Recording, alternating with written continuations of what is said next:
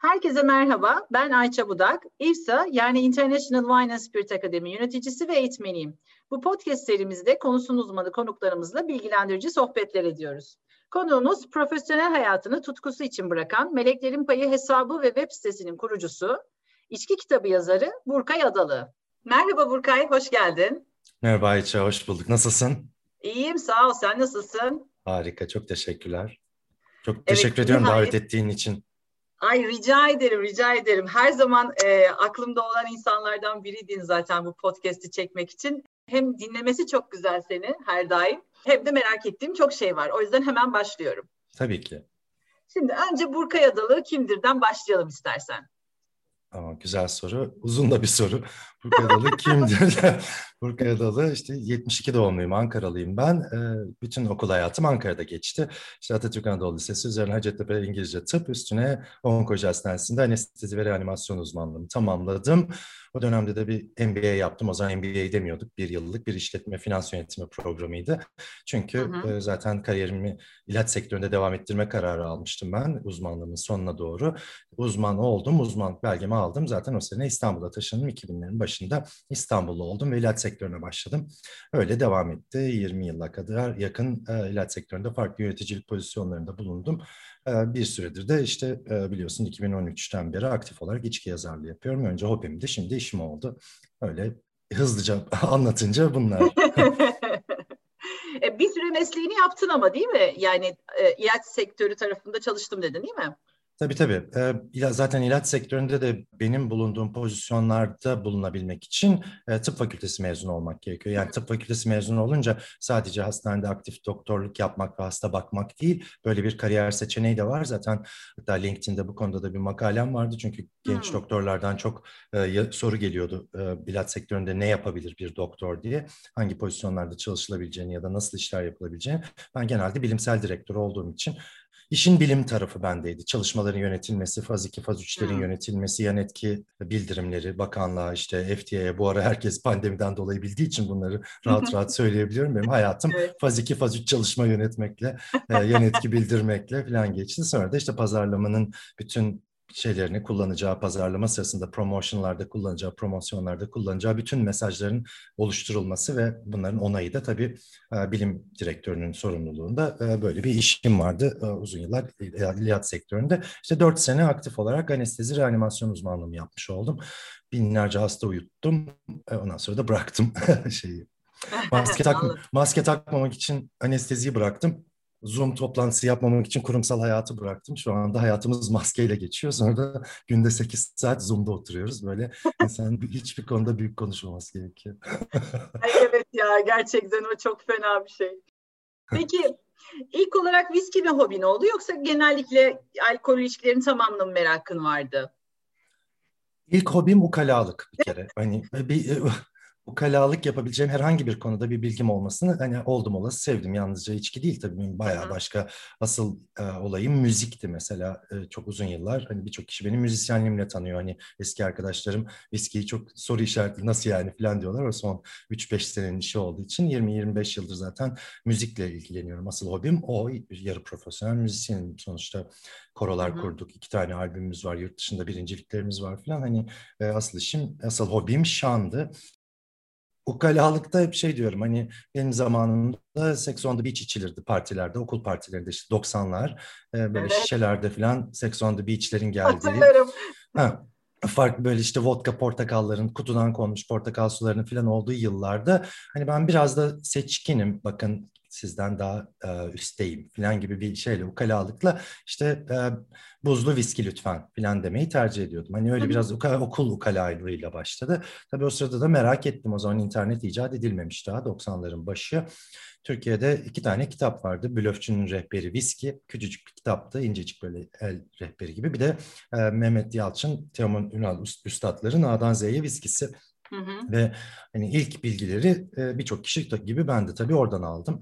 Ama onun üzerine işte yurt dışına falan çok çıkmaya başlayınca tabii sadece ilaç sektörü değil, Koro'yla da ben 18 yaşımdan beri her sene turnelere gidiyorum falan. Hani orada da değişik içkiler, değişik viskileri yudumlama şeyi olunca Hani genelde viski ağırlıklı ama alkolü seven bir insan olarak tabii devam ettim. Rakı çok çok geç geldi. Benim zamanımda 90'larda rakı içmezdi gençler. Babalarımız, dedelerimiz içerdi ama böyle yeni nesil meyhaneler falan mesela üniversitede hiçbir zaman ben hadi meyhaneye gidelim diye bir cümle hatırlamıyorum. Ben üniversitede meyhane falan yoktu. 2004-2005'ten sonra mesela rakı kültürüyle tanışmam ve rakıyı da çok sevmem mesela bir daha geç oldu. Arada kokteyl ve viski ağırlıklı giden bir şeydi nasıl diyeyim içki kültürü ilgisiydi benimki. Hmm, peki sonra bu merakını nasıl besledin? Hani seyahatlere gittiğinde viski tadımları yaptın işte kokteylle ve benzeriyle tadımları yapmaya devam ettin ama onun dışında hani öğrenme kısmını falan nasıl yaptın? Ben 2013'te tamamen hobi amaçlı başladım. Hatta meleklerinpayı.com'un ilk yazısı şeydir. İşte dün Londra'dan döndüm. Bir toplantım vardı. İşte Duty Free'den şu şu markayı aldım. İşte ya güzel bir viskiymiş. Hoşuma gitti. Tadım notu bile yok. Ee, web sitesinden e, copy paste yaptım şeyi, tadım notunu. Hmm. Hani ben orada onu sadece şey olarak başlamıştım. Hani meleklerinpayı.com benim viski günlüğüm olsun gibi. Hmm. Öyle bir şeyim yoktu, bir amacım yoktu yani ileride viski yazarı olacağım falan gibi bir şey yoktu. Hani oldum olası hani ilgimi çekiyordu tabii bu tip şeyler ama öyle bir e, çabam yoktu, öyle bir düşüncem çok yoktu. Ama e, bir süre sonra ben yazdıkça insanlar bana cevaplar verdi. İşte abi bu nasıl oluyor falan dedikçe ben e, fark ettim ki Türkçe viski kaynağı yok e, o sırada bir kitap da yok piyasada e, ve e, ben ne yazarsam o şey oluyor, referans oluyor. Tabii burada biraz doktorluk ve analitik düşünce girdi devreye. Yani ben bir yazı yazıyorsam doğru olsun. Atıyorum viski nasıl üretilir diye ilk yazdığım yazılardan bir tanesi. İşte evde 10 tane kitap vardı. 10 tane kitabın o bölümlerini okudum. Hata yapmayayım diye internetten araştırdım falan filan. Ve o dönemde bende bir viski okuması başladı. Hani e, bazen de utanıyorum. Çok fazla roman okuyamaz oldum. Çünkü okul okur gibi yıllardır içki okuyorum. Bunun da bir okulu doğru olmadığı için viski mesela şarapta çok daha established bir şey var, eğitim var biliyorsunuz ama e, viski ve distile içkiler dünyası bu konuda biraz geri olduğu için ben kendimi yetiştirmem gerektiğini düşündüm. Bunun için de ne yapabilirdim? İşte şu anda dünyada basılı olan hani Almancası, Danimarkalıcası falan bile kitaplar var bende. 150-200'e yakın viski kitabıyla sanıyorum e, en geniş kütüphanelerden biridir. Hepsini okudum satır satır. E, üstüne sadece kitap okumakla olmayacağını fark ettim ve sürekli viski fuarlarına, viski damıtım evlerine gitmeye başladım. O dönemde işte neredeyse her sene İskoçya'ya gidiyordum. E, bayağı da maliyetli bir hobi tabii sürekli İskoçya'ya gitmek, damıtım evi gezmek, üstüne işte fuarlara katılmak, tadımlar yapmak falan. Hani geçenlerde bir hesapladım bayağı bir ev parası harcamışım kendimi eğitebilmek için ama e, sonu çok güzel oldu. Ya şey çok doğru. Hani insanın e, bu işin içine bir kere girdiği zaman ve gerçekten dediğin gibi meraklıysanız sonunu alamıyorsun ve e, ciddi bir para dökmeye başlıyorsun. Ciddi bir zaman ayırmaya başlıyorsun. Mesela dedin ya hobim, işim işte benim de yıllardır hobim, işim 20 yıldır ve gerçekten hani sürekli şarap okumak, sürekli alkollü içki okumak, sürekli gastronomik yayınlar okumaktan roman okuyamıyorum. Ben de aynı durumdayım yani. Demek ki bu da bir mesleki deformasyon diyelim ona. Bu aynen, aynen. kesinlikle, kesinlikle. Evet. Yani çok istiyorum. En fazla şey yapabiliyorum. Hani içinde alkol geçen falan bir roman oluyor ya da hani alkol geçen bir filmi önceliklendirebiliyorum. Ben Oscar filmlerini e, mutlaka izlerim. Törenden önce bütün filmleri ez, e, izlemiş olmam lazım. Hani e, adaylar falan açıklandığı anda her sene 2-3 haftalık bir süreçte 30'a yakın film izlerim ben. Mesela bu sene bir şey yapamadım, düzenim bozuldu ama hemen Druk'u izledim mesela. içinde alkol geçtiği için Danimarka'nın yani Oscar adayı filmi izledim mesela. Öne öneririm bu arada. Hatta da bugün bir podcast kaydedeceğiz onunla ilgili. Druk'u anlatacağım. Evet, o Druk'u anlatacağım. Orada çok ilginç bir konu var çünkü. Promille ilgili ya da işte orta yaştaki içki kültürüne olan ilgiyle ilgili falan.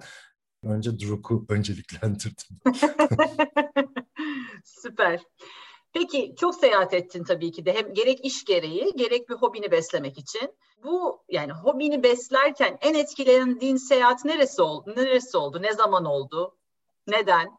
E tabii viski hobim için pek çok seyahat yaptım. İrlanda, İskoçya, Amerika birçok ülkeye gittim tabii. Oralarda da tattığım viskiler var. Yalnızca damıtım evi seyahati gibi de görmemek gerekiyor. Yani dünyanın neresine gidersem gideyim orada değişik viskiler tadıyorum.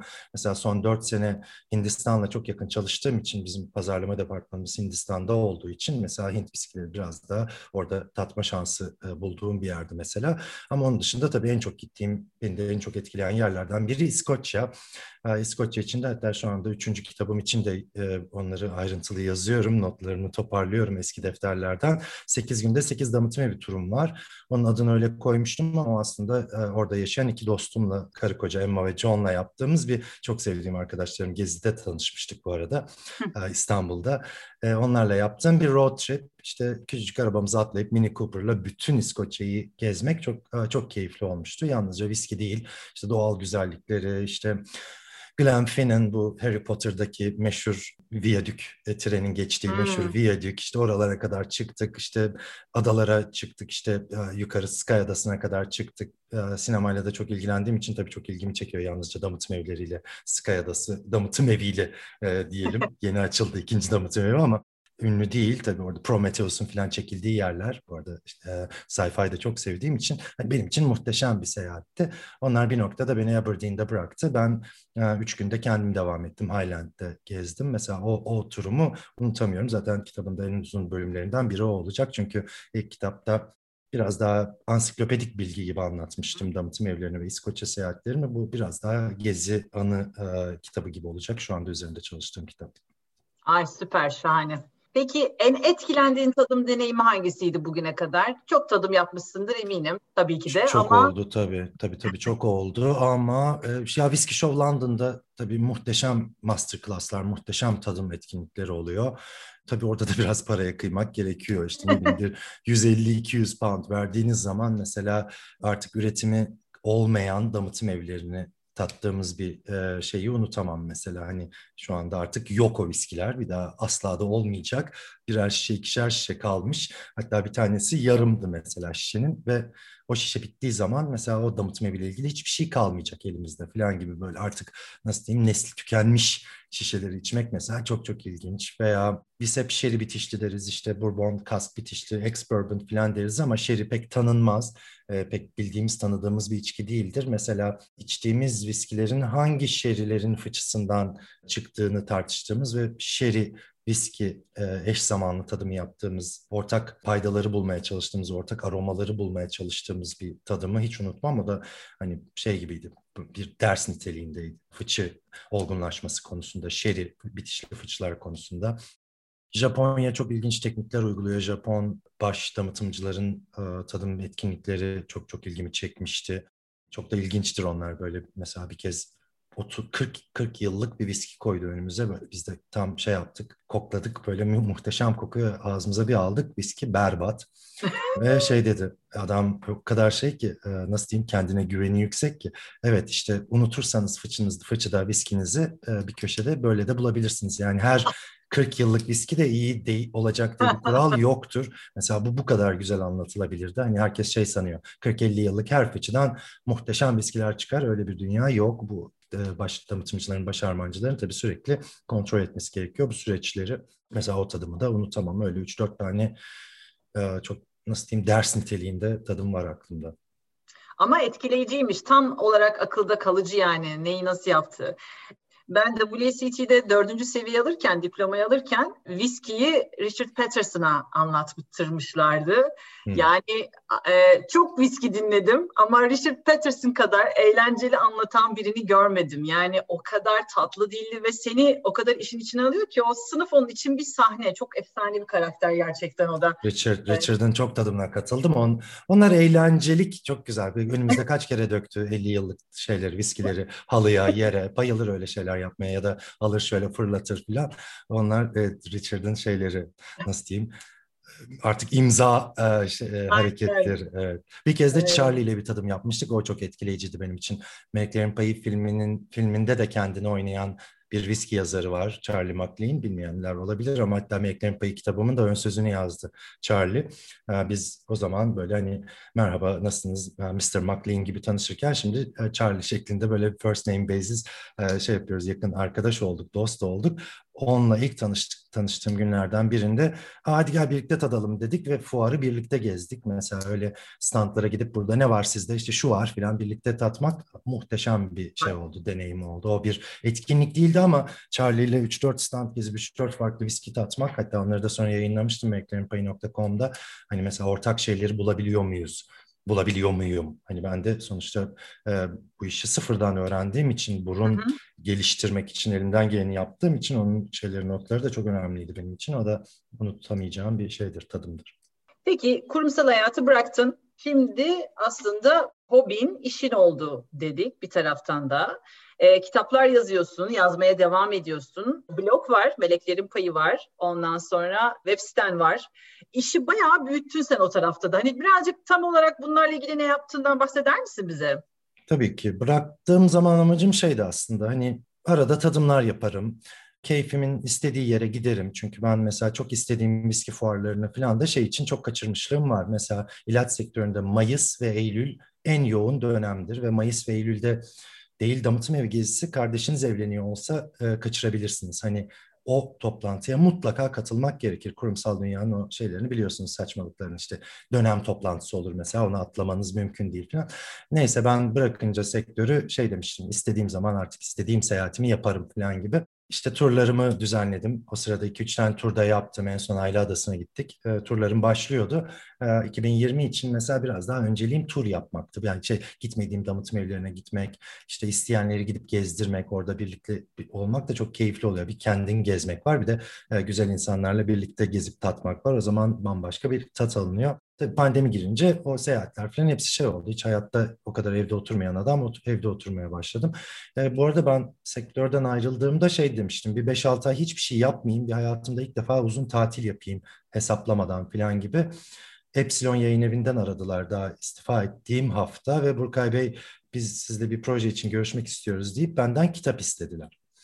Ben Nisan 2019'da ayrıldım. O hafta kitap toplantısı yaptık. Ben memnuniyetle yazarım dedim zaten sektörden ayrılma sebebim kitap yazmaktı benim.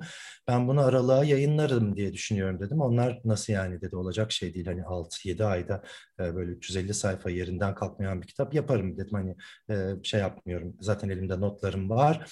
Çok yoğun bir dönemde ama e, işte Aralık 16 2019 tarihi unutmam mümkün değil çünkü doğum günümde yaptım lansmanı. ee, ilk kitabımı çıkarttım. O da tabii çok büyük ilgi gördü. Şey yaptı. İşte içinde videolar vardı. Arada İskoçya'ya gittim. Dört gün İskoçya'da videolar çektik ve dünyanın işte kare kodlarla, videolarla izlenebilen falan ilk içki kitabı oldu. Zaten 2020'nin başında da biraz şeydi planım. Hem kitabın lansmanıyla ilgilenirim. İmza günlerimiz vardı. 6 tane falan imza günü planlanmıştı. Mesela İzmir vardı, işte farklı şehirler vardı. Zaten imza gününe gitmişken de orada eğitimler, tadımlar yapıyordum yapmayı planlıyordum. Benim Viski 101, Viski 201 diye bir eğitim programım var. 1600-1700 kişinin bugüne kadar sertifika aldı. Onları denemek, e, devam ettirmek istiyordum. Ama tabii pandemi hepimiz gibi beni de etkiledi. Ben de bütün planlarımı değiştirdim ve 2022 için düşündüğüm ikinci büyük kitabım İmbik'ten Kadehe'yi bu 6-7 aya e, sığdırmış oldum.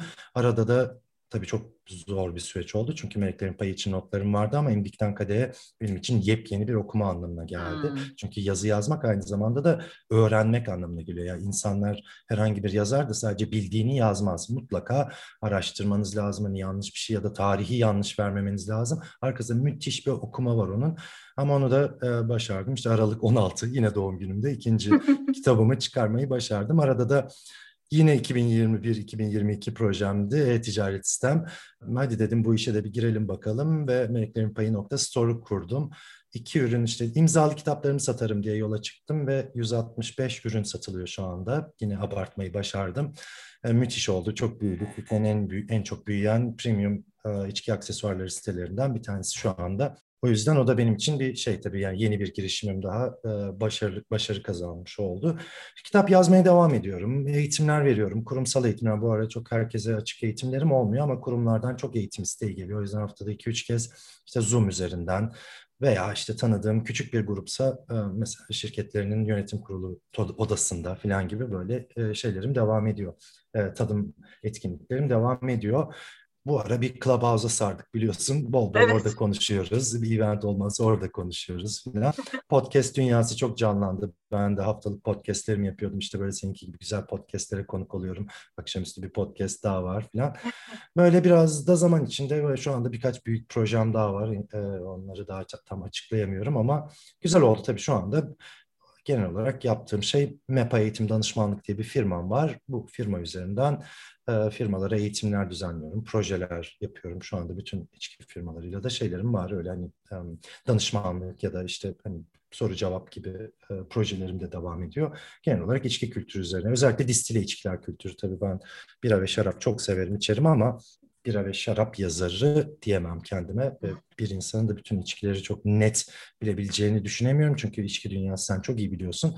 Deniz derya bir alan yani. Oh. Hayatımızı harcasak ben şarap uzmanıyım, ben bira uzmanıyım, ben viski uzmanıyım diyebilmek öyle kolay bir şey değil. Çünkü hani 150, 200, 300, 500 kitap diyoruz işte binlerce damıtım evi, işte şaraphane, şu bu filan derken işte tekila sadece Meksika filan hepsine hakim olmak gerçekten çok kolay değil. O yüzden ben distile içkiler üzerine, asıl uzmanlık alanım olan distile içkiler üzerine devam ediyorum şu anda. Çok çok doğru söylüyorsun gerçekten. Her şeyi bilebilmek imkansız. Fikrin olabilir bütün kategoriler hakkında. Evet. Temelini bilebilirsin ama her şeyi çok detay detay öğrenmek çok zaman alacak bir şey. E, o birazcık da belki bizim mütevaziliğimizden geliyordur. Yani ben içki uzmanıyım e, diyen ama her şeyini bilmeyen bir sürü de insan var. Sadece ülkemizde değil, dünyanın her yerinde. Dünyada da tabii tabii tabii çok doğru söylüyorsun. ben bilmiyorum. Şarap, bira şarap değil filan deyince mesela hani şey yapmıyorlar. Çok hani e, sonra bir üzüm söyleyince şaşırıyorlar. Ya abi sen Merlot'u nereden biliyorsun filan. Bir de Türkiye'de böyle bir saçmalık da var. Hani ben onu söylemeyince mesela hiç bilmiyor, içmiyor değilim ya da işte elimde rakı görüyor. Abi sen ilk paylaştığında çok şaşırmışlardı. Abi sen rakı masasındasın falan. E neden olmasın dedim. Ben haftada dört gün rakı masasındayım. Rakı hacim olarak rakı tüketimim viski tüketimimden fazla benim. Eğer mililitre litre bazında bakarsa. Çok severim rakı kültürünü ama işte böyle bir viskiden gidince insanlar sabahtan akşama kadar üzerimde e, şey röpte şambır e, arada işte küvet viski dolduruyorum falan gibi bir hayatım var sanıyor. Tabii ki bütün içkileri severek içiyoruz. Ya çok yakın aralıklarla iki kitap yazdın gerçekten. Hani kitap yazmak zaten zor bir iş. Belki senin hani işte doktorluktan ve benzeriden gelen detaycılık kısmı da var. Ee, dediğin gibi araştırmadan yazmak imkansız. Altında referansları ve benzeriyi görmeden, öğrenmeden, okumadan yazmak kitabı imkansız ve sen bunları çok kısa sürede yaptın. Çok da güzel ilgi gördü kitapların. Yani mesela distile içkiler hakkında çok fazla Türkçe yayın yoktu daha öncesinde. Senin evet. de başlarda belirttiğin gibi. Ama senin kitapların önemli referans haline geldi şu anda öyle değil mi? Öyle öyle tabii. Meleklerin Payı işte 30 yıl sonra yazılmış ilk viski kitabı oldu ve şu anda da piyasada olan tek viski kitabı zaten. E, A'dan Z'ye viskinin yeni baskısı yapıldı ama o yayın evlerinde e, satışa çıkan bir kitap olmadı. Hani sınırlı sayıda e, kişiye hmm. ulaştı. O yüzden şu anda da bir viski kitabı dendiğinde Türkiye'de tek kitap Meleklerin Payı tek olmasının yanı sıra tabii en ayrıntılı diyebiliyorum. Çünkü 350-400 sayfa hani daha öncekiler el kitabı gibi ince kitaplardı. Bu, bu biraz daha manual gibiydi. Bu benimki bayağı ansiklopedi dediler. Zaten ben e, çıkarttığımda millet dalga geçti. Abi sen kitap yazıyorum dedin. Bilseydik ansiklopedi çıkardığını falan e, bayağı ikisi de öyle oldu. Ansiklopedi çıktı ve kendimden soğudum. Çünkü bir buçuk kilo kitap. Hani beş tane kitabı e, salondan içeri odaya götürünce bayağı omuzum sapıyor. Bir yedi buçuk kilo taşıyorsunuz çünkü. Ama çok büyük ilgi gördü tabii. İşte geçen senenin ortasında Gourmand Cookbook Awards'ta winner e, title aldığımızı öğrendik. İşte çok hoşumuza gitti tabii. Kitapların üzerine winner çıkartması yapıştırdık. E, daha önce de rakı kitaplarımız falan almıştı. Sen biliyorsun zaten. Tabii tabii. Çok önemli bir şey. Hani e, dünyada da e, duyurabilmek adına mesela işte viski kategorisinde İrlanda'dan, Amerika'dan, İskoçya'dan dört yazar altında Turkey, Burkaya Dalı, Epsilon Yayın Evi falan yazması. Bunlar gurur verici şeyler. İşte İmbik'ten Kade'ye dediğim gibi biraz da pandemi deliliği sayesinde çıktı. O kolay bir kitap değil yani gerçekten akıl kârı değildi 450 sayfalık kitabı 6 ayda çıkarabilmek e, çok zorladı beni. E, işte onun için de aslında videolar falan çekmek istiyordum, yurt dışına gitmek istiyordum ama onlar kaldı hep. En azından rakı üretimini yerinde gördüm ve daha önce hiç paylaşılmamış rakı imbikleri falan kitabımda e, var o sayede. O da çok büyük ilgi gördü ve işte ona da birkaç bir, bir ay önce hem de iki dalda bu sefer winner olduğumuzu öğrendik. Spirits ve Cocktails dallarında çünkü kitapta kokteyl tarifleri de var ve çok şey masterpiece işte real masterpiece outstanding falan gibi bir mail geldi. O bizi çok cesaretlendirdi. İşte şu anda İngilizce Fransızca'ya çevrilmesi için uğraşıyorum. O görüşmelerimiz devam ediyor. Ee, bunlar tabii bildiğim de diller olduğu için ve Fransa çok viskiyi sevdiği için de tabii ilk aklıma gelen ülkelerden bir tanesi. Son işte bu İmbik'ten Kadeh için çok ilginç bir teklif de geldi. Hani siz bu e, kitabı Çince, Korece'ye de çevirmeyi düşünebilirsiniz. Çünkü ilk defa Baiju, Soçu gibi hiç bilinmeyen kategorileri de dünyanın diğer distile içkileriyle birlikte bir kitapta gördük. Filan dediler. Mesela bu da önemli bir şey. Tabii Çin biliyorsunuz onlar çok bambaşka bir içki kültürleri hı hı. var. İşte Soçu'yu, Bayucu'yu herkes bilmiyordu. Velhasıl o da şey oldu yani böyle kocaman ve Türkiye için yüksek fiyatlı sayılabilecek kitapların işte 15 binlerde, 20 binlerde satıyor olması, adetli satılması, işte 3. 4. baskısını yapıyor olması. Arada bir de viski tadım defteri çıkarttım. O da ikinci baskısına giriyor şimdi. Yani Türkiye'de 4-5 bin kişinin viski tadım notu alıyor olması mesela benim için gerçekten müthiş gurur kaynağı. Çok iyi gidiyor bakalım. Şimdi üçüncü kitap da inşallah öyle olacak. Onu da acaba Haziran 2021 yapar mıyım dedim ama hadi bu sefer biraz nefes alayım dedim. Yine sanıyorum e, doğum günüme kalır o da. Süper. Öncelikle tebrik ediyorum tekrar seni. Sağ ol, çok ee, teşekkürler. Çok güzel başvuru kaynakları oldu gerçekten bizim için. Hani İngilizcesinde ulaşabildiğimiz tabii ki ama Türkçe'de hiç olmayan e, kitaplar olması bence çok kıymetli. Emeğine sağlık, zamanına Aa, sağlık, ellerine sağlık. Sağ olasın. Şimdi favori içkini sormayacağım tabii ki. Biliyoruz zaten onu. E, doğrudan üstüne konuşalım. Senden kısacık bir viski hikayesini dinleyelim mi? Yani viskinin nasıl ortaya çıktığı hikayesini dinleyelim mi? İşte orada mesela eğitimlerimde de şu anda hep oradan giriyorum. Distile içkileri mesela ben ilk eğitimlerimde direkt viski anlatarak işe başlıyordum ve bir süre sonra fark ettim ki aslında fermente içkileri, distile içkileri biraz onların tarihini bilmeden de anlamak çok mümkün değil. İşte hep söylüyorum bira ve şarap 10 bin yıllık içkiler. Çünkü özel bir cihaza ihtiyaç yok biliyorsun. Kendisi havadaki e, şeyle bile maya ile bile Mayayla. E, fermente olup oluşabilen içkiler. Ama imbikten geçip bir distile içki olabilmesi milattan sonra 700-800-900'leri buluyor. Yani aslında içki tarihi olarak distile içkiler çok daha yeni. Hı hı. E, ve distile içkinin ilk e, şeyleri çıkışı biraz işte vodka'ya falan e, dayanıyor. Daha çok e, şey olmayan biraz daha net etil alkoller 900'lü yıllarda falan. Burada tabii anlatacak çok şey var. Çok hızlı şey yapayım. Hatta YouTube'daki son videolarımdan bir tanesi viski tarihi. Onun başında da 4-5 dakika kadar anlatıyorum bunları. Süper. Viski İrlanda'da mı, İskoçya'da mı biraz soru işaretli. Ama İrlanda ile ilgili de çok şey var. Hani nasıl diyeyim söylenti ve ama yazılı kaynak bırakmak konusunda İskoçlar kadar şey değiller. aktif davranmamışlar ve tarihi hep yazanlar belirler biliyorsunuz. Hani hı hı. yazdığınız zaman kalır bir şeyler. İşte bir vergi kaydı var elimizde 1494'te kral için 8 bol arpayla üskiva üretilmesi diye bir cümle geçiyor orada. Üskiva işte Latince aquavita, Galce'de üskiva zaman içinde evriliyor. Viski viskiye dönüyor. İşte şu anda kullandığımız viski galce su demek zaten. Hı hı. Zaten bütün içki kültürleri de böyledir. İşte voda dön, döner dolaşır, vodka olur. İşte aba hayatımız bizim rakımız falan böyle çok benzeşen ortak noktaları da var. Ülkelerde farklı anlarda farklı viskiler, şey yap, içkiler, kültürleri ilerlemiş gitmiş. İşte Fransa biraz daha şaraptan, konyaktan gitmiş. Hollanda işte cinle başlamış, Genever'la başlamış. Sonra bu İngiltere'ye kaymış. E, İskoçya zaten küçücük yukarıda böyle biraz da izole bir ülke olduğu için işte Nordik ülkelerin e, aquavit kültürü e, etkisinde ama genelde viskiden gitmiş hep. Ve hı hı. işte viski üretimi sonuçta viski şey İrlanda, İskoçya hep eşit gitmiş. Yani nasıl diyeyim yan yana koşmuşlar ama bir noktada İrlanda'nın biliyorsunuz çok kötü günleri var e, büyük bir yoksulluk var falan. O dönemde viski üretimi de çok azalıyor. Millet değil tahıldan viski yapmak da tahıl şey ekmek yapacak tahıl yok falan gibi öyle günler geçirmiş bir ülke olduğu için İskoçya e, öne çıkmış işte e, ve günümüzde de İskoçya e, viskinin ana vatanı diyebiliyoruz çok rahatlıkla zaten dünyadaki büyük markalara da baktığımızda hepsi İskoç viskileri yani İskoç, İskoç viskilerin herhangi bir şekilde İrlanda viskileri, Amerikan viskileri ya da işte ne bileyim bugünlerde çok adını duyduğumuz işte Japon viskileri falan tarafından geçilmesi mümkün değil. Zaten bu iş İskoç viskileri üzerine kurulu. Süper. Peki ortadan gireyim konuya. Single malt mı blend whisky mi? Çok güzel soru. En çok aldığım sorulardan da bir tanesi. Ee, en büyük hobim ukalalık demiştim. Viski yazmaya başladığımda da şey ukalalığı vardı bende.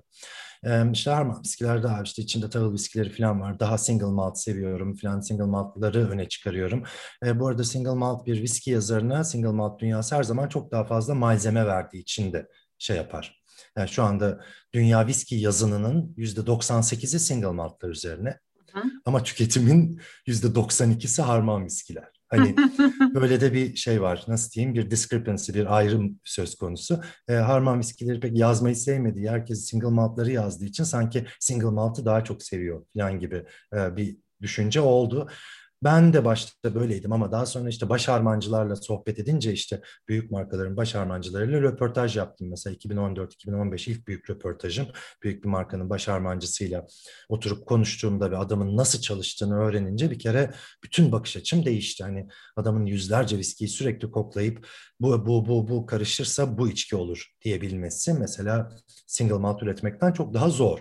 O yüzden harmana olan saygım çok arttı benim bir kere.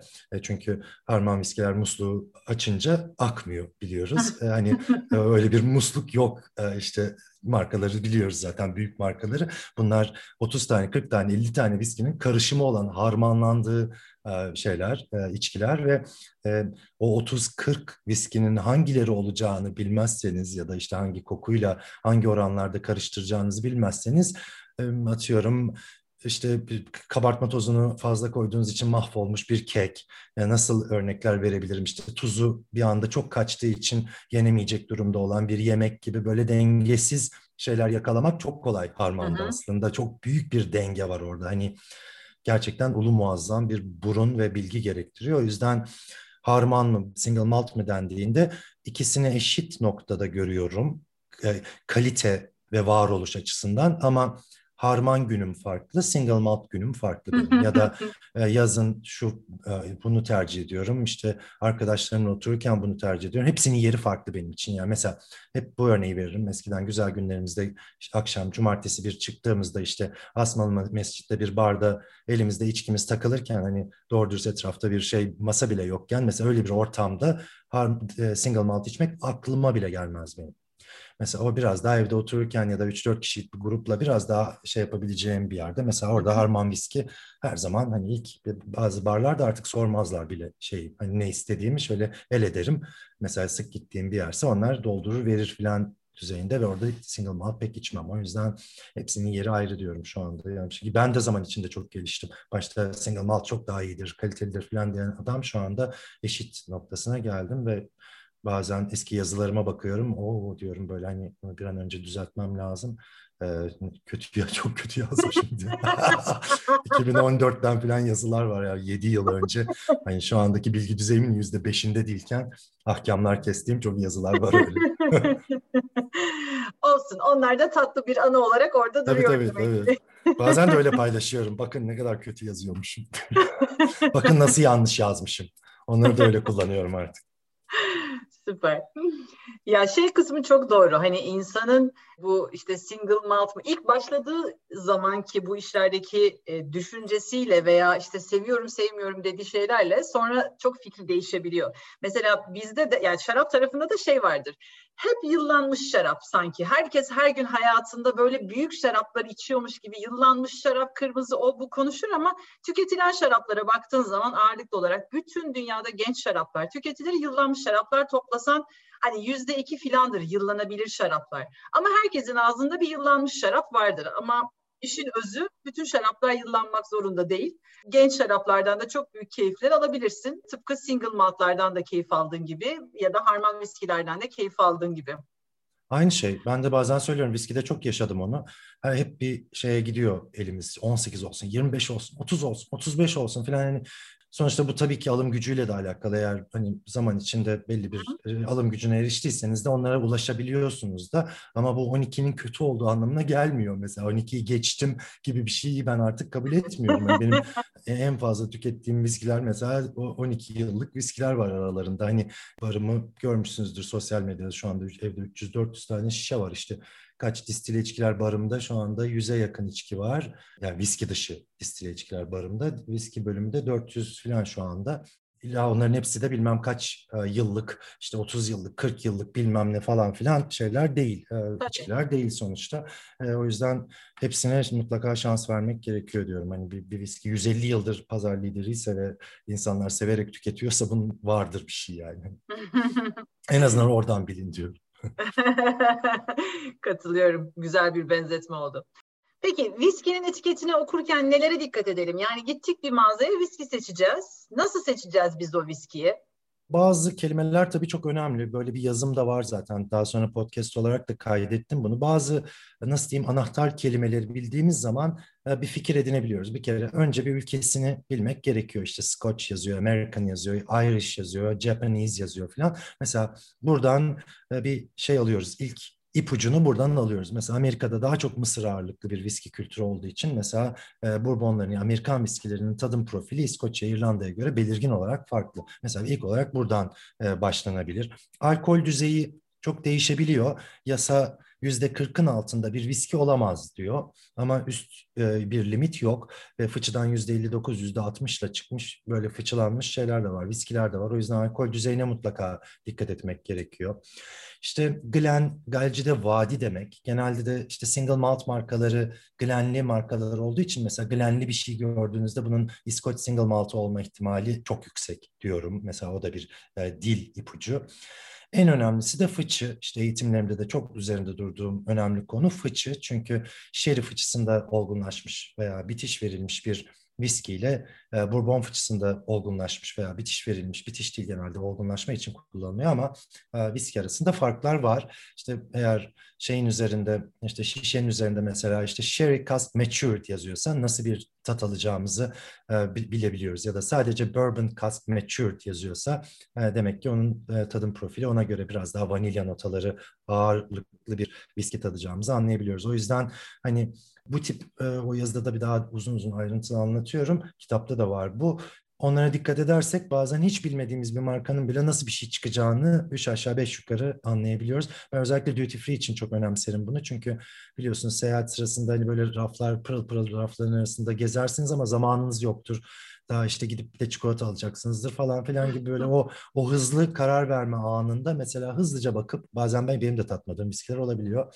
Yani sadece böyle 3-4 şeye bakarak mesela fıçısına bakarak öyle alıp geçtiğim şeyler de oldu, viskilerde oldu. Süper. Peki bir viskiyi iyi yapan şey nedir?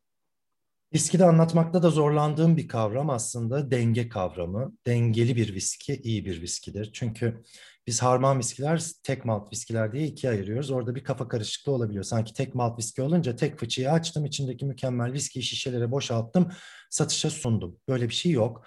Ee, onlar da 12 yıllık bir e, single malt çıkarıyorsa onun da arkasında bir dolu fıçı var. Onlar karıştırılarak şey yapılıyor. Yani bir harmanlama süreci hep var aslında.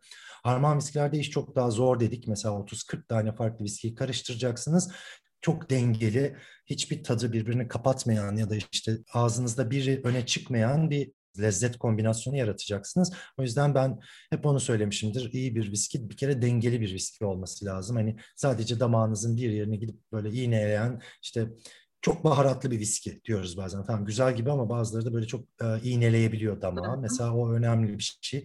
Tabii bitiş çok önemli bizde. Bazı viskileri içiyorsunuz işte 5-10 saniye sonra hiç aklınızda kalmayabiliyor ya da damağınızda o tadı almayabiliyorsunuz. Bitiş kavramı bütün içkiler için geçerlidir.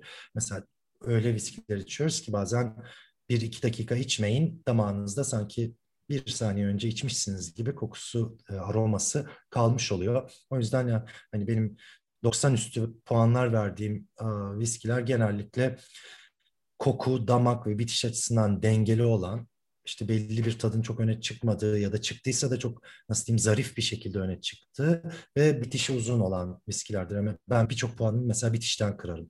25 hmm. üzerinden puanlıyorum. Mesela bitişi kısa gelen bir viski 18-19 aldığı zaman zaten şey yapıyor. 4, 4 kere 25 kuralıyla puanlıyorum viskileri. Hani diğerleri 25 bile olsa birinden 18 alınca o puan düşebiliyor. O yüzden hani düşük puan bir viski verdiğimde illa burnu kötü falan gibi de anlamasın insanlar diye hep söylüyorum. Belki de bitişi kısadır diye. Ama iyi bir viski benim için dengeli olmalı ve bitişte uzun olmalı. Yemekle viski o da benim işte e, yine planlar değişti tabii. Beşinci kitap projem olacak. Üzerinde çalışıyorum. E, üzerinde çalışıyorum. Onu e, ilk kitapta sadece iki sayfa verdim. Çünkü çok sorulan bir soru bu tabii yanında ne yiyelim, ne içelim falan. İşte kabaca ikiye ayırıyorum ben onu. Bir yemeğin yanında, şey viskinin yanındaki eşlikçiler. Bu herhangi bir kuru yemiş de olabilir, bir kuru kayısı da olabilir ya da bir peynir tabağı da olabilir. Bu arada peynir tabağı, şarküteri tabağı herkesin aklına şarap gelir ama viskiye de çok yakışır bu arada. Oh. Hani herkese de öneriyorum hani bir akşamüstü oturduğunuzda Hani tabii ki çok zevklidir böyle bir güneşe karşı bir şey yapmak, batırırken bir şarap yudumlamak karşılıklı işte güzel bir peynir şarküteri tabağıyla ama benzer bir keyfi viskiyle de yaşayabilirsiniz diye hep söylüyorum. Bu işin eşlikçi boyutu bu eşlikçi tabii ki damak zevkimize göre de çok değişiyor. Hani daha sweet tooth, daha tatlı seven bir insansanız çikolata çok ön, ön, iyi bir eşlikçi oluyor. Daha tuzlu seviyorsanız benim gibi böyle daha turşucu falan bir adamsanız mesela turşu, peynir e, çok daha uygun bir eşlikçi oluyor. Viski yemekle viski ve yemeğin içinde yani resipisinde viski o bambaşka bir konu ve çok yeni bir konu. Dünyada da 3-4 tane kitap var. Çok az şef biliyor bu arada. Türkiye'de işte İstanbul'da da e, farklı restoranların şefleriyle çalıştık. İşte Sunset, Spago falan gibi büyük restoranlarda da viski yemeklerim oldu. Gerçekten kolay değil. Çünkü değil. şarap, evet şarabı yemeğe kullanmak kolaydır. Aromasını çok güzel verir. İstediğiniz gibi yakarsınız, flambe yaparsınız bilmem ne işte kavurursunuz ama e, viski mesela bir, bir flambe yapsanız bilmem bütün aroması kaçıyor. O yüzden biraz daha marinasyonda kullanıyoruz mesela ya da biraz daha raw şeylerde kullanıyoruz. İşte viskili kısır tarifim çok meşhurdur benim mesela. Herkes viskiyle yapıyor artık kısırını şey bu, bu bulguru sıcak su ve viskiyle şişiririm ben mesela ve çok çok hoş bir e, lezzeti kokusu oluyor. E, kısır günlerine yeni bir boyut getirdim kesinlikle, diyorsun. Kesinlikle tabii ki. tabii bir bardak değil onu da hep söylüyorum ölçüsü. Yani bir biraz koyacağız sadece falan ama işte marinasyonda kullanılıyor bilmem ne. Şu anda ben de resipi topluyorum. Tabii Aa, böyle şahane. bir kitap e, sadece benim yazacağım bir kitap değil. Bunu mutlaka bir şefle çalışmam. Hani o yemeklerde stok foto falan olamaz onları tek tek yapacağız. Mutlaka. E, işte yanına eşlikçiler olacak olacak falan. O, ama o kitapta aklımda şu anda Martin Noe'nin bir kitabı var ve çok severim Martin'i de. Mesela onu da örnek alıyorum. Ee, birkaç e, yazar daha var. Geli Başlan'ın bir kitabı var şu anda viski e, yemekleri üzerine. Ee, o da çok araştırdığım bir konu. Eşlikçi olarak da bazen çok yakışıyor. Mesela etlere falan çok yakışıyor. Ee, bazı işte somona çok yakışıyor viski. Hmm. Biraz da deneme yanılma. Ben illa da yakıştırın demiyorum. Bak bunu da çok net söyleyeyim çünkü her yemeğin yanına da viski olmuyor. Hani zorlamayalım. Bira ve tabii, şarap tabii. gibi bira ve şarap gibi uygun içecekler varken de her yemeğe viski eşleştireceğiz diye uğraşmanın da çok anlamı olduğunu düşünmüyorum katılıyorum, açıkçası. Katılıyorum. Bir de yorucu olabilir yemek sırasında şey yapmak. Tabii. Yani çünkü yüksek alkollü bir içki seyreltmeden içilmesini daha çok tercih ediyoruz falan yorucu olabilir. Peki Biraz gastronomi turizmi başlığı altında da viskiyi konuşalım. Şimdi İskoçya'ya baktığın zaman ya bu inanılmaz bir seyahat sebebi oraya e, gitmek. Evet. Yani her meraklı gidiyor. İşte azıcık bile merak olsa bir İskoçya'ya gitme hayali her viski severin hayatında vardır bence. Peki nasıl bir işleyişi var? Nasıl bir katkısı var ekonomiye ve viskiye tabii ki de? Çok büyük bir katkısı var bir kere. Ee, şu anda rakamlar aklımda yok ama kitaptan bakarım ya da notlarımdan hani şu anda turizm gelirleri İskoçya'nın en önemli gelir kaynaklarından bir tanesi. Tabii viski ihracatı da en önemli kaynak biliyorsunuz ama e, viskiyi sadece ürettim, ihraç ediyorum derseniz çok da tanımıyor, bilmiyor insanlar. Yerinde gidip görmenin tabii markaya olan şeyinizde de çok faydası var. Hani ya benim sevdiğim viski bak burada üretiliyormuş falan demek ya da işte bak bu konyaklar bu şatodan çıkıyormuş ya da bak üzümleri böyle eziyorlarmış falan. Ama bunu görmek e, mesela işte rakı üretiminde gittim şöyle bir anason aldım elime falan. Bunları görmek müthiş etkiliyor insanı. Mesela bu anason nereden Hı-hı. geldi? İşte bu arpayı nereden getirtiyorsunuz falan.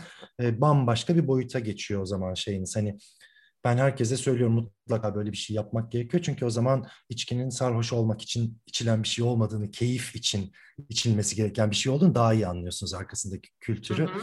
İskoçya'da bunu çok iyi yapan markalar var.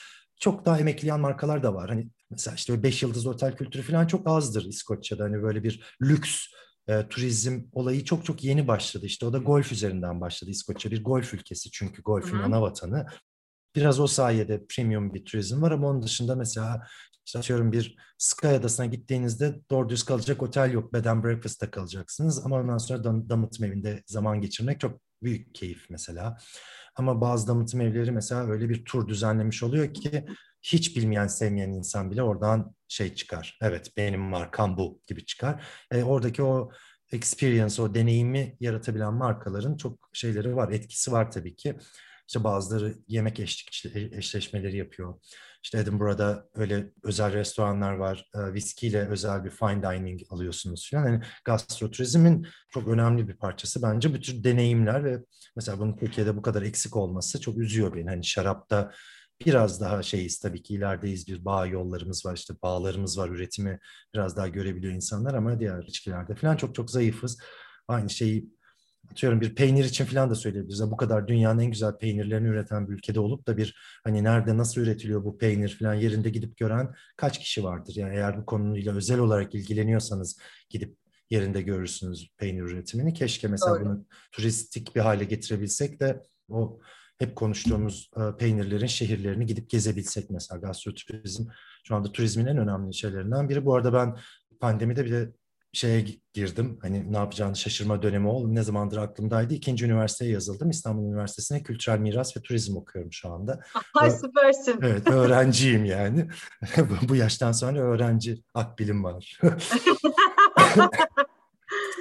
Öyle orada da bunları şey yapıyoruz, okuyoruz. Onlar çok hoşuma gidiyor mesela işte turizmin Güzel. ne kadarı gastroturizmdir falan gibi ya da nasıl geliştirilir falan gibi tabii iki yıllık bir program ama üzerine kafa patlatınca da e, çok güzel şeyler çıkabiliyor. Çok önemli konular bunlar. Kesinlikle, kesinlikle katılıyorum. Peki viski ve kokteyl sever misin? Severim. Güzel yapılırsa çok severim. Özellikle ben ekşi sevdiğim için mesela viski sour'u çok severim ve viski sour benim başarılı barmen ölçütümdür. Hani mesela bir bara gidip merhaba Burkay Bey şu anda barlarda tanımayan yok. E, hatta da bu cümlemi de çok duymuş oldukları için mesela birçok barda artık şey karşılıyor. Burkay Bey merhaba hoş geldiniz. E, isterseniz size bir viski sour hazırlayayım falan diyor. Ve arkadaş stres oluyor böyle bir önünü ilikliyor falan.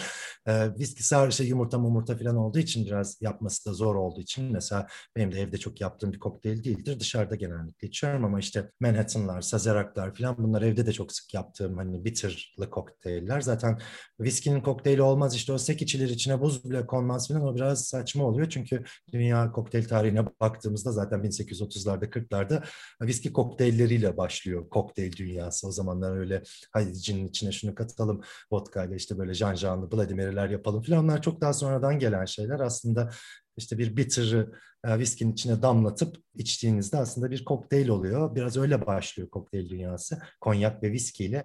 Tabii bu popüler kültürle de gelişti. İşte Mad Men, Mad Men efekt olarak biliniyor mesela. Mad Men'den sonra dünyadaki bütün bar menülerine viski kokteylleri eklendi. Hı hı.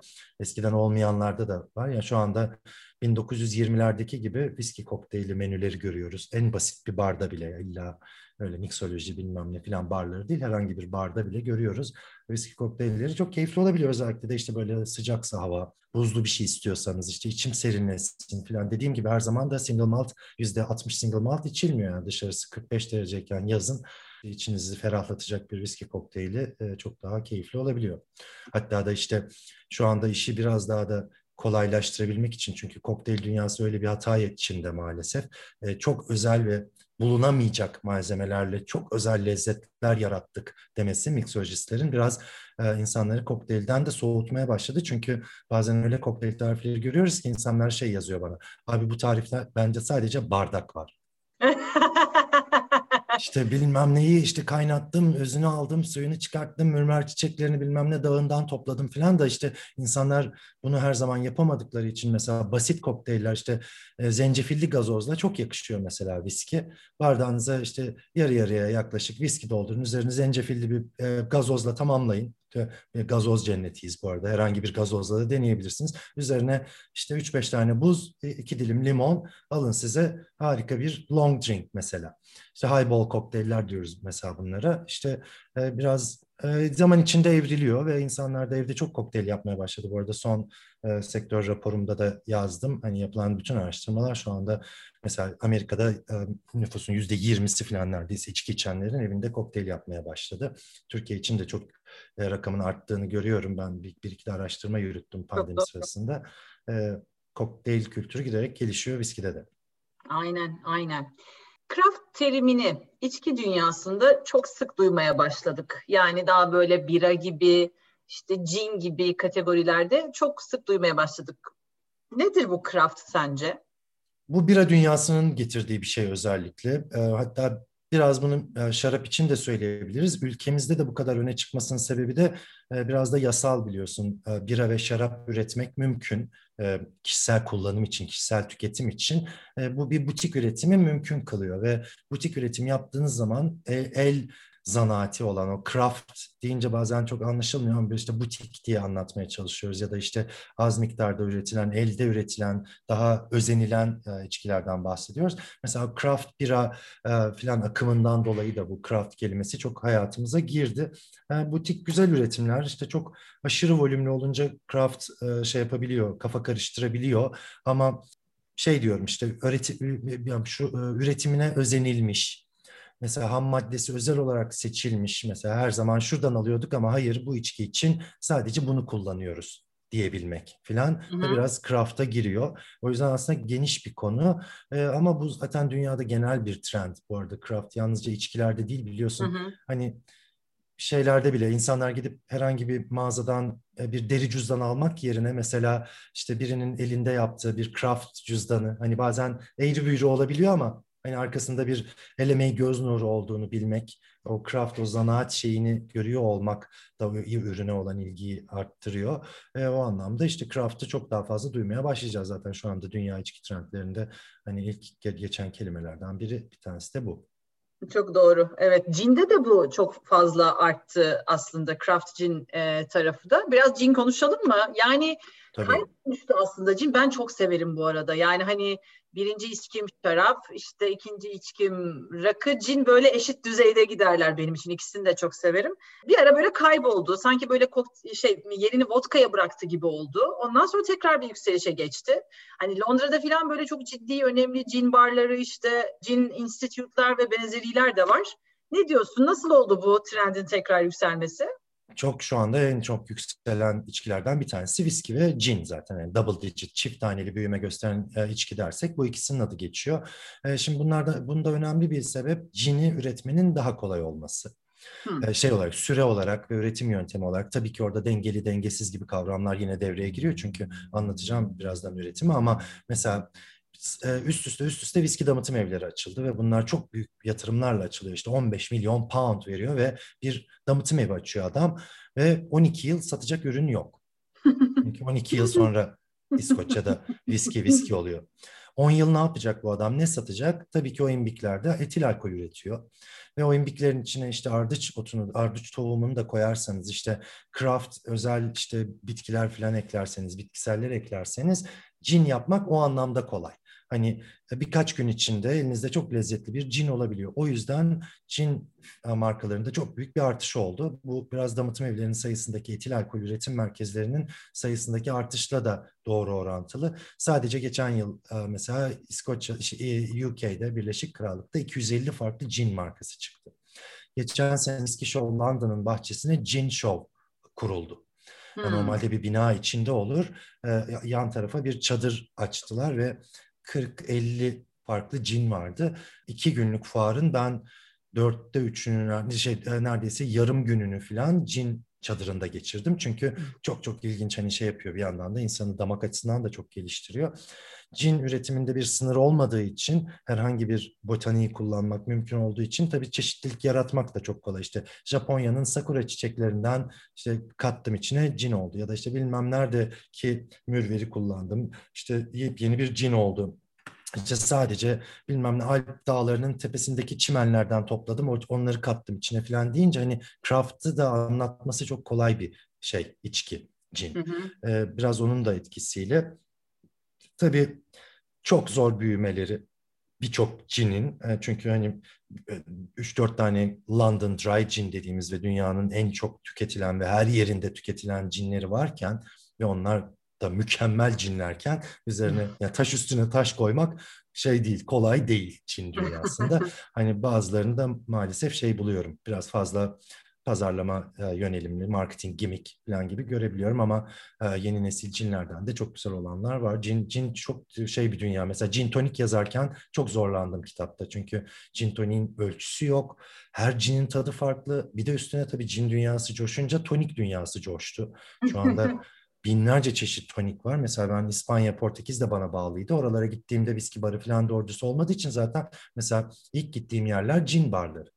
Yani 400 tane cin 50 e, farklı tonikle kombine edilebiliyor. Düşün barda yani hani haftalarca kalsanız e, şey bitmez. Hepsini tadamazsınız falan. Hani öyle kültürlerde özellikle çok şey yapmış durumda. Zaten şu anda cin deyince aklımıza gelen İngiltere, İskoçya, İspanya, Portekiz, biraz Fransa ve Almanya ama zaten bu dört ülkeyle dünya cin tüketimini bayağı şey yapmış oluyoruz, kapsamış oluyoruz. doğru, çok güzel doğru. Bir evet, gerçekten öyle. Rakı için ne diyorsun? Zaten başta da söyledin rakı severim haftada dört gün e, rakı sofrasındayım dedin. E, kitapçada kitapta da oldukça geniş bir yer verdin. Hani var var da evet evet evet. Rakıda çok yazacak şey var. ha değil mi? Evet. evet. Rakı sever olarak biliyorum zaten ben de seni hani öncesinden de ne, ne diyorsun rakı için? Rakının da gelişimi çok hızlandı son zamanlarda. Bir çeşitlilik var, inanılmaz geniş bir Kesinlikle, var kesinlikle. Tabii tabii tabii. Bu arada benim İmbik'ten Kadehe'yi yazma sebebim rakı. Hani kitapta yedinci bölüm gibi görünüyor ama altıncı, yedinci bölüm gibi görünüyor ama mesela kitabın ilk oluşan bölümü şeydi. E, rakıydı çünkü e, biraz da işte diyorum ya teknik bir taraf var. Bir de doktor şapkamı taktığım zaman e, etil alkolü anason damlattım. E, rakı yaptım falan mesela bunu sosyal medyada okudukça çok rahatsız oluyordum. Bir yaptığınız şey tehlikeli. Çünkü o etil alkollerin içinde metil alkol var mı yok mu bilmiyorsunuz. Çünkü bunlar bildiğimiz kaynaklardan alınmıyor. Ama abi eczaneden aldığı kabul etmiyorum ben. Hani gerçekten onlar güvenli değil. Artı dünyaca ünlü, işte üretimi yasayla tanımlanmış, işte e, özel bir e, yöntemle üretilen, bakır imbikte üretilen işte anasonu alkolün içinde damıtılan bir içkimiz varken alkolün içine anason damlattım, rakı yaptığımı da biraz hani şey oldum. Lütfen içkimizi aşağılamayalım filan gibi ve fark ettim ki rakının nasıl üretildiği bilinmiyor. Hı hı. Ee, belki bizim hatamız zaman içinde içki yazarları, firmalar filan ama biz rakının adabını çok konuştuk konuşuyoruz yıllardır. Kadehin şurasından mı vuralım, burasından mı vuralım derken biz yaş üzüm, kuru üzüm, distile ne demek, üç kere mi, beş kere mi falan gibi böyle biraz teknik konuları biraz e, atladık. E, onları öğrenince de aslında insanlar şey yapıyor. İşte şeker konusu çok geçiyor. Koca şişede bir kesme şeker kadar şeker var. Üzerine isterseniz 75 punto büyük harflerle şekersiz yazın. Bu şey gibi bir şey değil. Hani Coca-Cola Zero ya da diyet kola gibi bir şey değil. Yani yine içinde bir kalori var o şeyin. Zaten kitabımda da o tablo çok ilgi çekti. İşte şeker ilaveli rakılar 100 kalori, işte şeker ilavesiz rakılar 99.3 kalori falan. Aradaki fark leblebiye falan denk geliyor yani. İşte onu onları yazarak falan zaten kitapta da bir bölümde şey yaptım. Yani burada adaba giremeyeceğim çünkü yerim de yok. O yüzden biraz daha teknik konulara gireceğim diye ama tabii adapta falan da çok yazacak şey var ve e, ve Fazlat'ın falan kitapları muhteşem ve gençlerin onları okumadığını görmek de biraz şey yapıyor. Hani belki bir rakı kitabı yapıp oradan da daha uzun alıntılar. Hani çünkü mesela Burkay Adalı yazmış diye gidip alacak bir dolu genç olduğunu biliyorum. Ama mesela Vefazat'tan böyle bir iki sayfalık alıntılarla falan. Çünkü insanların da kafasına vuramıyorsunuz. Bakın bu kitabı okuyun falan gibi.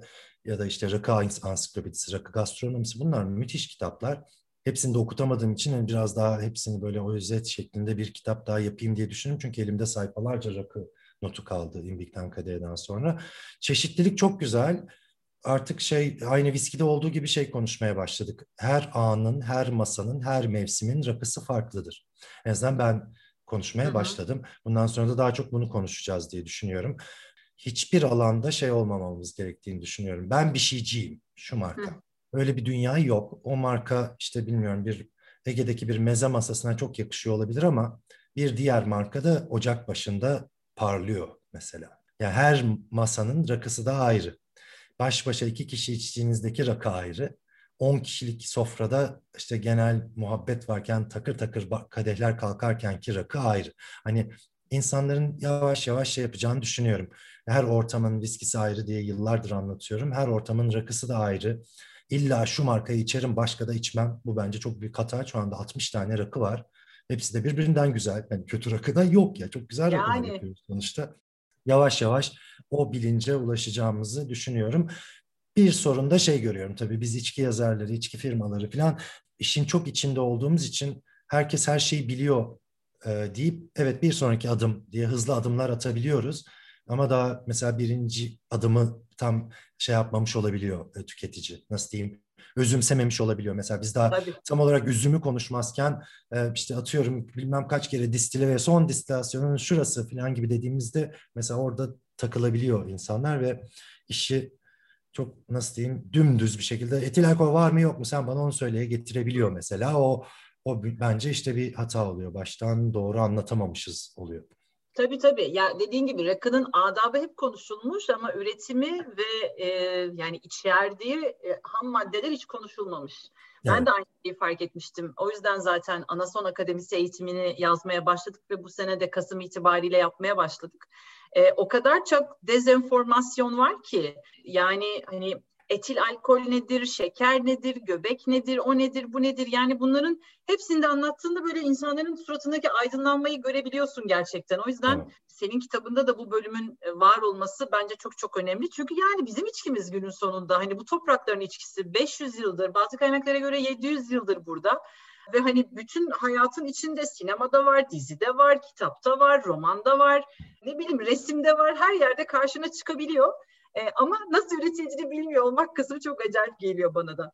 Yüz yıllık kaç tane markamız var? Yüz küsür yılı bulacak. Kaç tane markamız var mesela? İşte herkes şey, Sabun Hacı Şakir diyor. İşte Kuru Kahveci Mehmet Efendi falan diyor da hani yüz yılı sayabileceğimiz çok az marka var. Çok. Ee, mesela oradan tekel tarihini falan oralara gitmek gerekiyor. Alkol kültürünün Türkiye'ye nasıl girdiğini falan ya da üretimin nasıl yapıldığını orada işte ya daha yazacak çok şey vardı. Özellikle tekel tarihi çok önemli olduğu için hani ön sözümü de yazan işte Kerim Bey de e, şey yaptı. Onun kitabı da çok değerli bir kitap zaten. Hani bu ülkede yıllardır böyle büyük araştırmalar yapılıyor olması yani içki üretiminde e, çok aslında ileride bir ülkeyiz bence. Daha fazla da olabilirdik de e, işte hani ilk içki kültüründe ama şeyden çok umutluyum. İnsanlar çok açık. Hani bilerek içmek istiyorumu çok duyuyorum. Özellikle gençler bu konuda e, pırıl pırıl hani böyle dinliyorlar. Hani ne derseniz notlar alıyorlar bilmem ne. Clubhouse odaları işte biliyorsun 3 saat 4 saat 5 saate uzadı geçen odam. 1600 kişiye 5 saat anlatmışım mesela. Sonra story yapanlar oldu. Mesela 10 sayfa not almış. Mesela gecenin ikisinde not alarak dinlemiş bir genç falan. Bunlar muhteşem şeyler yani. Var, ilgimiz var ve çok daha güzel bir noktaya erişeceğiz eminim. Aynen öyle. Şekere değindin. Dedin ki hani kalorisel olarak baktığında kitapta da çok küçük bir farklılık var. Göbek ve etil alkol. Bunları da senden bir dinlesek. Ee, çok güzel konular. İşte ilk yazmaya başladığım şey etil alkol, metil alkoldü mesela ve göbekti. İmbikten Kadehe'nin ilk sayfaları aslında. Hani Word metnini açarsınız, kitap yazmaya başlarsınız. ilk yazdığım şeylerden biriydi bu. Ya bir kere biraz temel kimya bilgisi gerekiyor. Etil alkol nedir? Bir kere bir önce onu bilmemiz gerekiyor. İçilen alkole etil alkol diyoruz. Ama alkol dünyası dev bir dünya. Kimyanın başlı başına bir chapter'ı. E, işte propanolü var, metil alkolü var, e, başka endüstrilerde kullanılanları var, işte dezenfektan olarak kullanılanları var filan. Bu büyük, geniş bir alan ve imbikten çıkan her alkolün etil alkol olmadığını biraz bilmek gerekiyor. İşte orada yavaş yavaş şeye giriyoruz. Metil alkol, etil alkol ya da başka işte füzel alkollerin ve şeylerin e, imbikten çıkabileceğini bilmek. İmbikten çıkan her damlanın içilemeyeceğini bilmek, temel kimya bilgisi biraz burada devreye giriyor ve işte bunu çok basitçe anlatmak için zaten biz içi, iç, biz içelim diye şişelenip konduysa o göbek alkolüdür diyor. Bu çok kabaca bir anlatma ama anlatmak istediğim orada şu. İmbiğin sadece orta kısmında biz kaliteli etil alkolü alabiliyoruz. Yok bu özellikle bakır imbiklerde tabii ki bu. E, diğer kısımlardan ilk akan alkolü ilk andan itibaren alıp içmek mümkün değil. Zaten o yüzden de çok kolay bir şey değil evde etil alkol damıtmak. İşte düdüklü tencereye boruyu taktım, işte kaynattım, oradan şıp şıp şıp damlıyor. Şu anda Facebook'ta dev bir grup var e, düdüklü tencereyle e, ocağın üstünde rakı yapan, etil alkol yapan, daha doğrusu alkol yapan ama hangi noktada etil alkol, hangisi hangi noktada metil alkol bu zor bir şey. Hani şu anda en güvendiğim arkadaşım bana evde alkol yaptım dese e, etil alkol mü emin olamam. Orada bir de üstüne şöyle bir karışıklık görüyorum. Tamam etil alkolü öğrendi insanlar bir şekilde. Diğerleri sanki farklı bir alkolmüş gibi mesela arpa alkolüne viski diyoruz. Üzüm alkolüne de rakı diyoruz mesela. Orada mesela ben de artık e, lafı uzatmaya başladım. Arpa kökenli etil alkol diyorum viskiye mesela. Ya da e, rakı konuşurken etil alkol var mı yok mu içinde diyor. Bütün rakıların içinde etil alkol vardır diyorum. Çünkü üzüm etil alkolüdür o. Üzüm sumasına, üzüm alkolüne suma diyoruz. Suma olmazsa zaten şey yapılamaz. Dışarıdan ayrıca tarımsal kökenli etil alkol katılmış mı katılmamış mı ayrıca tartışırız. Ama etil alkolü bu kadar bilinmediğini fark ettim mesela. Aslında içtiğimiz e, biraz kitapta da böyle beylik şey cümleler var. Çok kısa cümleler var mesela. Dünya üzerinde içtiğimiz bütün içkiler aslında etil alkol içinde metil alkol, propanol falan yok yani. Yok. Hepsi etil alkol. Şarapta, bu, birada, konyakta. Şarap şey ve birada alkol. etil alkol deyince mesela iyice karışıyor ortalık. Aynen. Nasıl yani falan. Şimdi o yüzden böyle biraz step by step gitmek gerekiyor. Ee, tabii Göbek'te hani çan eğrisi bilen birine Göbek anlatmak çok kolay oluyor. Yani de, mühendislik okumuş birisi ya da işte derslerini e, işte notlarını şu çan eğrisinde görmüş birine işte şu e, şu orta kısım falan diye şeyi anlatabilmek, distilasyon sürecini anlatabilmek e, çok daha kolay. Ama tabii göbek, çevrim falan bir dolu kavramlar devreye giriyor. Onları işte diyorum ya biraz aşama aşama anlatmak gerekiyor. Yoksa hep Doğru. birden böyle bir seferde de anlatınca kafalar çok karışıyor. Hani Doğru. gözlerdeki o soru işaretini sen de görüyorsundur eğitimde. Kesinlikle. O yüzden kibar Girmiyorum kibar. o yüzden çevrim mevrim oralara. Aparat kibar, çevrim kibar. onlar next level. onlar evet işte onlar biraz şey kitapta bahsettim ama hani biliyorum kafa karıştıracağından emindim ama en azından bulunsun orada dedim. Hani öğrenecek çok şey var ve e, insanlar da aç öğrenmeye. Hani o yüzden ayrıca bir şey de yapacağım muhtemelen. Hiç aklımda yoktu ama bir rakı, rakı kitabı da çıkacak bence. Çünkü dediğim gibi elimde çok not kaldı. Onları paylaşmak istiyorum herkesle. Kitabının 257. sayfasında Deden Ahmet Gazi Ayhan'ın Müzeyyen Senar'la çok hmm. güzel bir fotoğrafı var. Ee, böyle acayip bir kıpraştı işin fotoğrafı görünce çok hoşuma gitti. O fotoğrafın hikayesini dinleyebilir miyiz senden? O benim için de çok değerli bir fotoğraf. O dönemlerde ben tabii dedemi, e, o bayağı eski zaten de ondan sonra da dedem anneannemden ayrı olduğu için dedemi görmedim ben hiç. Ben dedemi hep tele, televizyonda gördüm. Eskiden yurttan sesler e, filan olurdu. Hı-hı. Böyle saz çalanları olurdu önde. Dedem İstanbul Radyosu'nda e, bas baş saz sanatçısı olduğu için hep ortadaki dedemdi. İşte böyle siyah beyaz televizyonlardan filan bak dedem çıktı filan diye televizyona koş, koştuğumuzu hatırlıyorum. Dedem müzisyen Ankara Radyosu çıkışlı halk müziği sanatçısı. E, uzun yıllar Ankara Radyosu'nda çalıştıktan sonra o dönemde çok fazla e, türkü derleme işleri de var. Mesela Gesi Bağları, Dedemin Türküsü, e, yarım İstanbul'u mesken tuttun dedemin türküsü ya onların mesela şeyleri bende şu an bizde telif şeyler hani kesibaları gibi dev bir türkü bizim aile türkümüz. ee, ilk ilk plağı okuyan da dedem mesela Gesi Bağları'na o 45'lik olarak var bende taş plak olarak. Ee, yarım İstanbul'u mesken tuttun çok güzel bir türküdür. Oradaki yarım anneannemin annesi. Hani ha. o, o birebir aile türkümüz bizim. Yani gidip İstanbul'u meskenli tutan bir akrabam var yani. Oradaki güzelleri görüp Kayseri'yi unutan anneannemin babası. Neyse e, işte yıllar içinde dedem böyle halk müziği konusunda da çok çalışmalar yapmış. O sırada İstanbul Radyosu sanatçısı. E, o yıllarda biraz rakıdan bahsederken tabii şeyi anlatmamak olmazdı. E, işte Osmanlı'da meyhane kültürü nasıldı işte daha sonra ne, nasıl şey yaptı işte İstiklal çevresi, Nevizade bilmem ne işte onlardan bahsederken zaman içinde gazino kültürünün öne çıkması ve e, gazinoların lüks bir meyhane gibi aslında. Hani rakının da içildiği, güzel yemeklerin de yendiği, üstüne de bir sanatçıyı böyle dinlediğimiz mekanlar olduğu için hani rakı kültüründe gazinonun da çok önemli olduğunu anlatmak için e, tam gazino kültürünü anlatırken koyduğum bir fotoğraf. O yıllarda halk müziği pek daha yokmuş şeyde, e, gazinoda. E, işte bir halk hafif batı müziği söyleyen birisi var. İşte bir sanat müziği sanatçısı, bir az solist var. İşte sonradan sonradan dansözler, mansözler falan işte dans grupları falan devreye giriyor. İşte o dönemde araya bir de halk müziği sanatçısı koyalım ların ilk öncülerinden biri Dedem. Yani uzun yıllar e, hem söylemiş hem çalmış gazino programlarında çok bulunmuşlar. Tabii işte Müzeyyen Senar'la ta şeyden tanışıyorlar. Eski tanışıklıkları var ve çok da severlermiş birbirlerini. Ben de Miş'le konuşuyorum tabii o yılları. Ama mesela ikisi de çok rakı sevdiği için mesela gazino programından işte gece 12'de 1'de bile çıksa atlayıp işte kapanmamış bir meyhanede son bir iki tek atıp tekrar otele dönmek falan gibi böyle turnelerde şeyleri varmış. O böyle kanka fotoğrafı da görünce çok hoşuma gitti böyle hani şey olmaları birbirlerine çok yakın arkadaş. E, resmi bir fotoğraf olmaması da çok hoşuma gitti. Aynen. O yüzden şey Aynen. yaptım, paylaşmak istedim kitapta da. İyi yapmışsın, iyi yapmışsın. Peki rakıda anason dışında bir aromatik bitki kullansaydın ne olurdu? O güzel soru. Ee, önce şunu söyleyelim çünkü orada çok kafalar karışıyor. İşte uzo, sambuka bilmem ne filan işte Türk rakısı, Yunan rakısı filan hayır demeyin diyorum. Onlar bambaşka içkiler.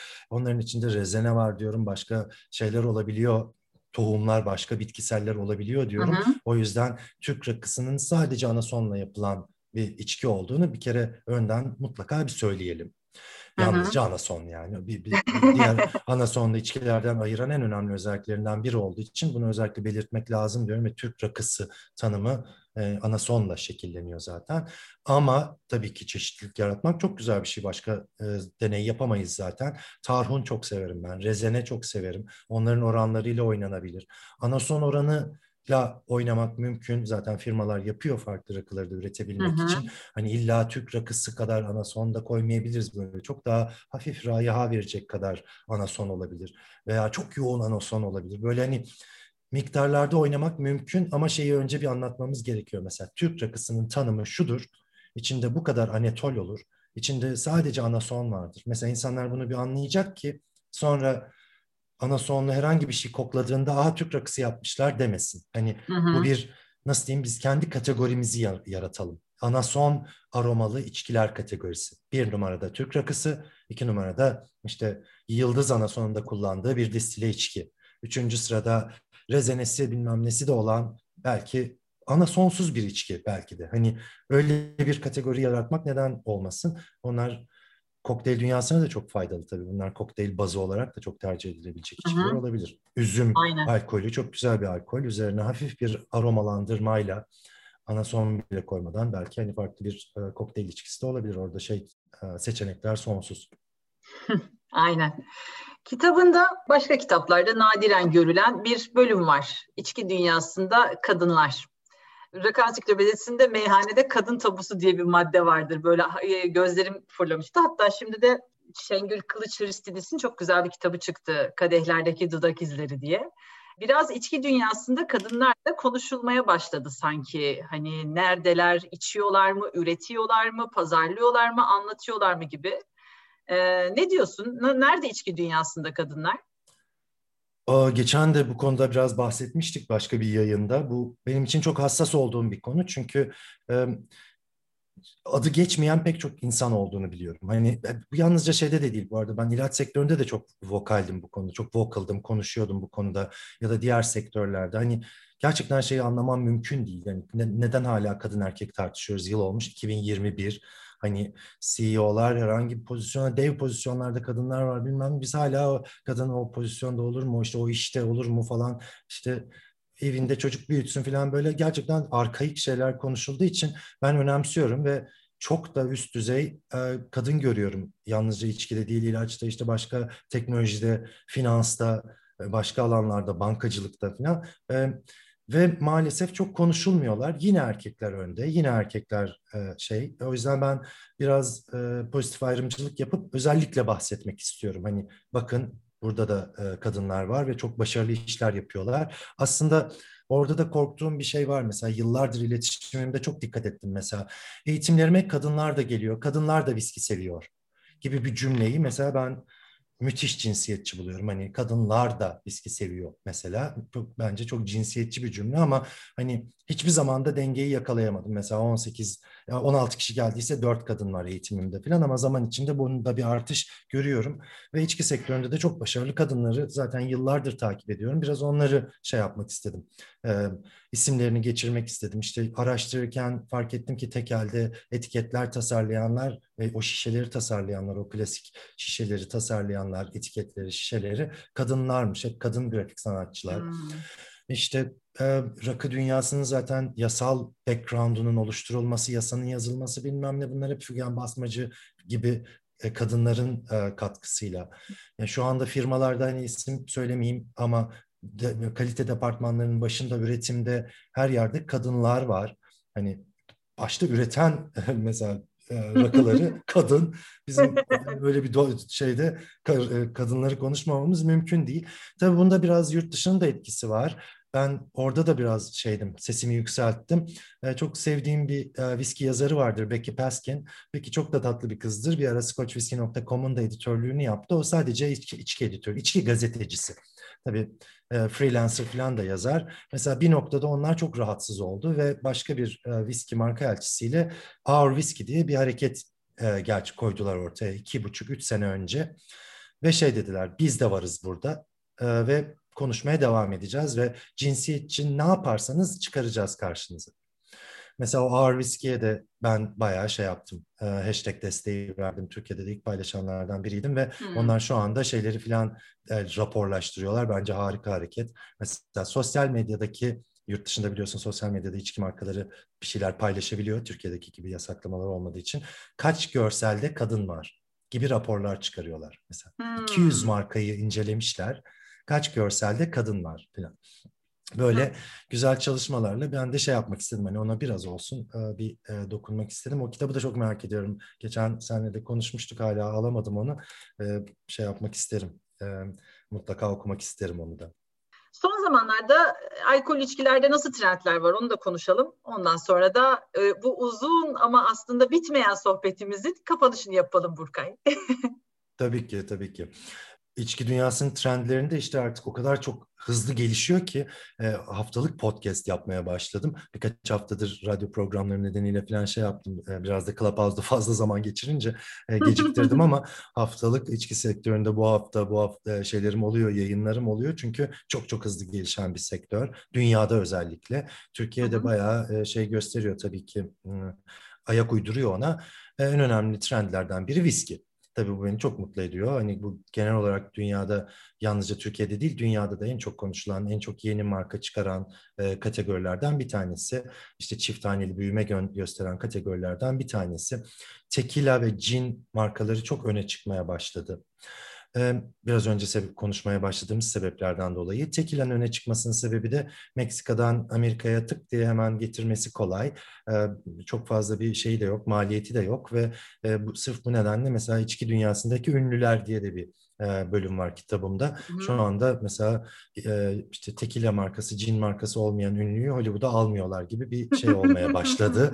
en son Kylie Jenner bile çıktı işte ben de cin yaptım falan dedi, tekila yaptım dedi. Ee, öyle öyle Parfümde mesela. vardı bu yakın zamana kadar parfümde çok yaygındı. Evet, ee, evet. Alkol içkiler sektörüne geldi. kesinlikle, kesinlikle. E, bir noktada olacak inşallah benim de bir parfüm çalışmam vardı zaten. Pandemide kaldı. Elbet bir gün kendi şeyimi de yaparım. Ee, işte bu mesela bunlar çok önemli trendler. Ee, pandeminin etkisiyle tabii şey e, çok değişti dengeler. İşte bara gidip içme, restorana gidip içme dengeleri değişince evde tüketim artmaya başladı. Yaptığım araştırmada da 2000 küsur kişiyle araştırma yaptım. Evde tüketim belirgin olarak artmış görünüyor. Evde kokteyl mesela çok arttı. Yalnızca Türkiye'de değil dünyada da artan trendlerden biri insanların evde işte artizan kokteyller yapmaya falan çalışması. Onun dışında işte Türkiye'de çok görmediğimiz ama globalde ready to drink kategorisi yani içmeye hazır düşük alkollü içkiler kategorisi çok hızlı büyüyor. Hani yüzde seksenler, doksanlar, yüzler falan gibi böyle de bir şey. Triple digit falan büyüyen şeylerden bir tanesi.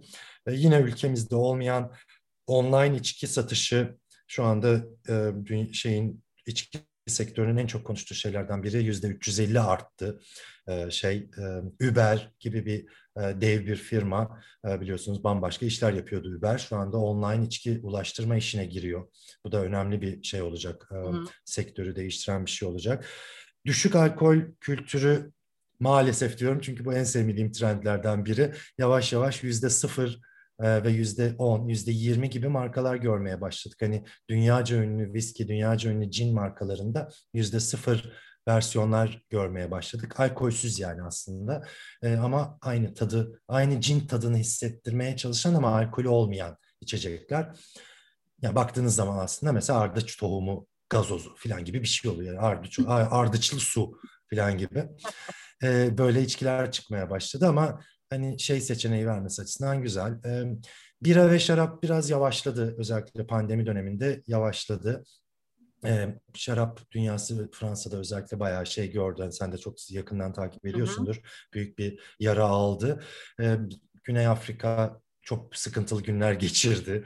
E, alkol satışının yasak olduğu tek ülke, hani Türkiye'den bile yasak olduğu tek ülke olarak pandemiye geçtiler. Üç ay boyunca alkol satışı yasaktı e, Güney Afrika'da falan. Şimdi de tekrar Easter için bütün satışı durdurmuşlar. Biraz önce okumuştum. Hani onlar da önemli faktörler tabii bunlar önemli ülkeler olduğu için içki dünyasında. Böyle ilk aklıma gelen trendler bunlar çok dediğim gibi çok okuma yapmak gerekiyor. Çünkü çok hızlı gelişiyor. Bir, bir gün geç kalsam, bir gün okumasam ertesi gün bir şeyleri kaçırmış hissediyorum. Çok e, nasıl diyeyim bilginin aktığı bir dünya, içki kültür dünyası. O yüzden eski bilgilerle kalmak çok şey oluyor, sıkıntı yaratabiliyor. Sürekli insanın kendini geliştirmesi gerekiyor. Yoksa hatalar olabilecek, olabiliyor. Çok haklısın. Eski kitapları okuduğun zaman e, anlıyorsun zaten onu. Eski kaynakları okuduğun zaman aa bu böyle miymiş? Bugün hiç alakası yok. Alakasız bir şey, şey var. Evet. O yüzden sürekli yenilenen, gelişen bir kültür her daim e, şey olabilmek için, e, o günü yakalayabilmek için mümkün olduğu kadar kitaplar dışında işte makaleleri ve blogları da takip etmek lazım. O çok önemli. Burkay çok teşekkür ediyoruz. Ben teşekkür ee, çok ederim. keyifli bir sohbetti. Biliyorum konuşsak daha konuşuruz elbette. Tabii tabii tabii. tabii.